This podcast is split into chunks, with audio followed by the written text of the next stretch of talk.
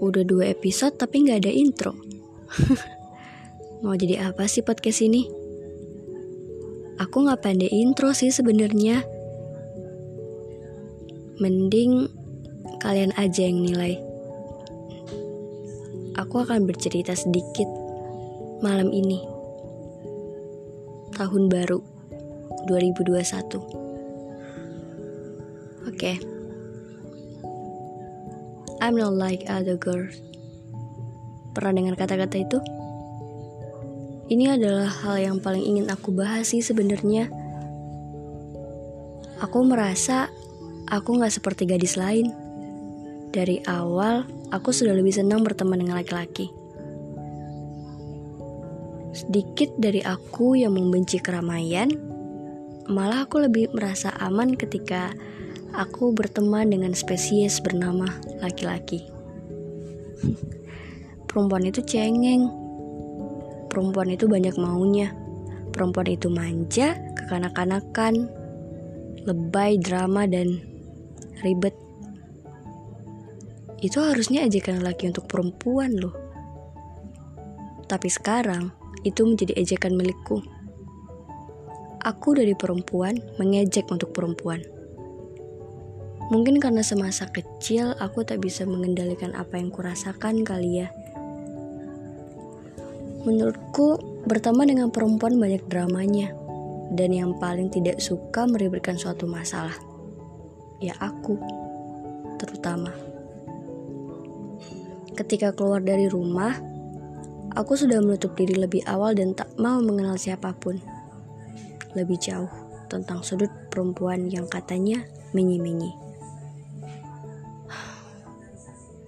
Mungkin kamu sebagai perempuan akan merasa tersindir membaca ini.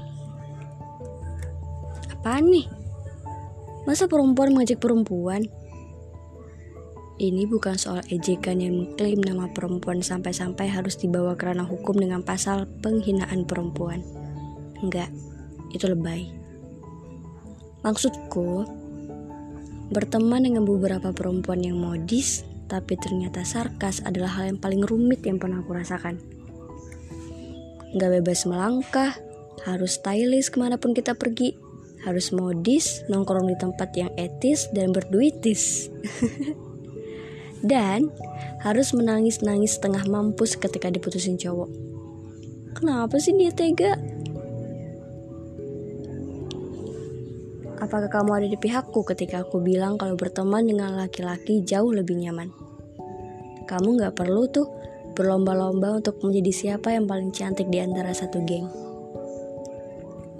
Kamu akan dituruti ketika kamu bilang kamu ingin ke mana, makan apa, dan kamu akan jadi ratu di antara mereka. Pandai menghiburmu, tapi jangan sampai jatuh cinta ya. Karena kan gak ada cewek dan cowok yang memang real menjadi sepasang sahabat. Ada gak sih? Sampai sekarang pun, Teman-temanku banyak laki-laki. Mereka baik. Mereka selalu ada. Tapi ketika teman-teman yang lain melihatku ngobrol bersama mereka, hal yang berasumsi kalau aku genit. Ada hal yang harus aku jaga di depan mereka, kalau enggak teman-temanku yang lain akan berasumsi macem-macem. Harus jaga sikap, gak boleh frontal, dan gak boleh cerita banyak. Tapi yang mengatakan itu salah. Aku berani jamin kalau berteman dengan laki-laki bisa membuatmu lupa kejadian tengah mengenakan hari ini. Bisa jadi lebih baik dan jadi diri sendiri kan? Ada yang setuju dengan pemikiranku? Melihat sisi baik dari seorang perempuan, aku gak menyalahkan sih.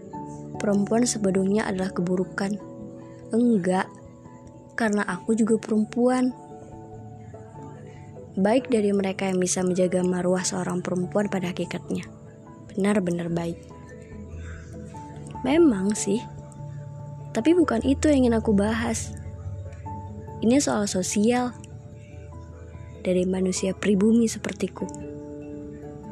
Menjadi perempuan itu gak gampang. banyak yang harus dijaga.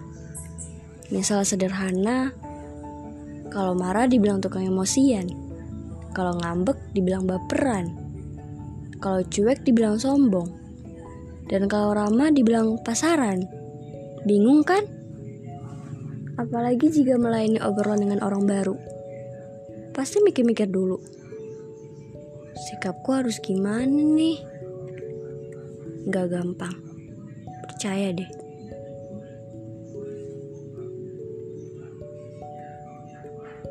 Oh iya, kamu percaya nggak kalau tiap orang itu punya tombol 911-nya sendiri? Suatu malam, pernah nggak sih kamu nggak bisa tidur semalaman? Entah karena deadline pekerjaan, tugas yang bejibun, atau karena memang banyak sekali yang harus dipikirkan. Mata sulit sekali terpejam, yang akhirnya tahu-tahu Udah pagi aja. Tidak tidur semalaman rasanya gimana ya? Puyeng atau biasa aja? Bagi sebagian orang, tidur adalah kebutuhan. Ya manusia kan memang harus butuh tidur setidaknya 8 jam semalam. Tapi bagi aku yang tidak bisa diam, ditambah kepala yang selalu bekerja seperti kaset, yang akhirnya tidur adalah musuh terbesarku. Kadang aku tidur, tapi kepala langsung menyetel memori-memori lama yang lama-kelamaan malah mirip seperti kaset rusak. Macet-macet. Begitulah pikiranku. Kadang memikirkan ini. Eh tahu-tahu sudah pindah memikirkan yang lain aja. Aneh kan? Kalau dipikir-pikir, Tidur tuh serasa jadi kebutuhan semata, bukan keinginan. Hanya sebatas harus tidur kalau mau besok tidak lelah. Lama-lama aku merasa jadi orang yang jahat dengan diri sendiri karena memaksa diri untuk tidak boleh lelah. Dan sampai sekarang, aku belum menemukan garis akhir seperti semacam kalau di sebuah rest area pasti bilangnya Nanti ah, di rest area berikutnya aja.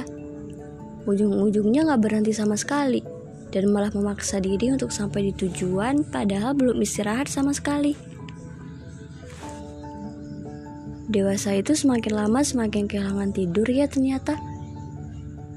Lama-lama serasa tidur adalah karena ingin, bukan karena butuh. Deadline dan cicilan yang belum lunas ternyata tidak bisa dibawa tidur pasti sulit sekali. Kadang di tengah malam, aku mikir sendirian. Orang-orang yang tidur di luar sana yang tak punya tempat tinggal, bisa tidur atau enggak ya? Apakah sama tidurnya orang kaya dengan tidurnya orang miskin? Kalau dipikir-pikir, sama aja. Sama-sama punya beban tidur orang kaya pasti kepikiran kerjaan. Waktu yang gak ada buat anak. Dan kalau tidur orang miskin, pasti kepikiran cicilan bulanan, uang sekolah, dan makan apa esok hari. Semua itu adalah proses dewasa kita.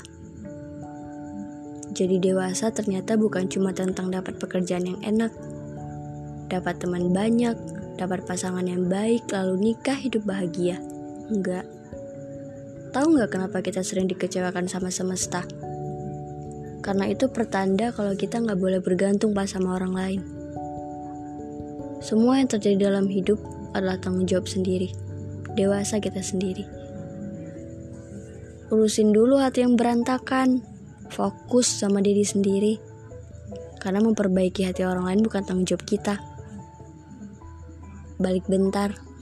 Balik bentar kalau kita harus sadar apa pun jawabannya nanti juga nggak apa-apa kok.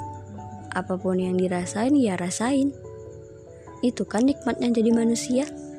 Masih bisa kan kita disebut manusia kalau kita berhenti menghancurkan diri sendiri demi mengorbankan perasaan orang lain. Ya karena sejauh mana pun perjalanannya, sebenarnya manusia nggak ke mana-mana.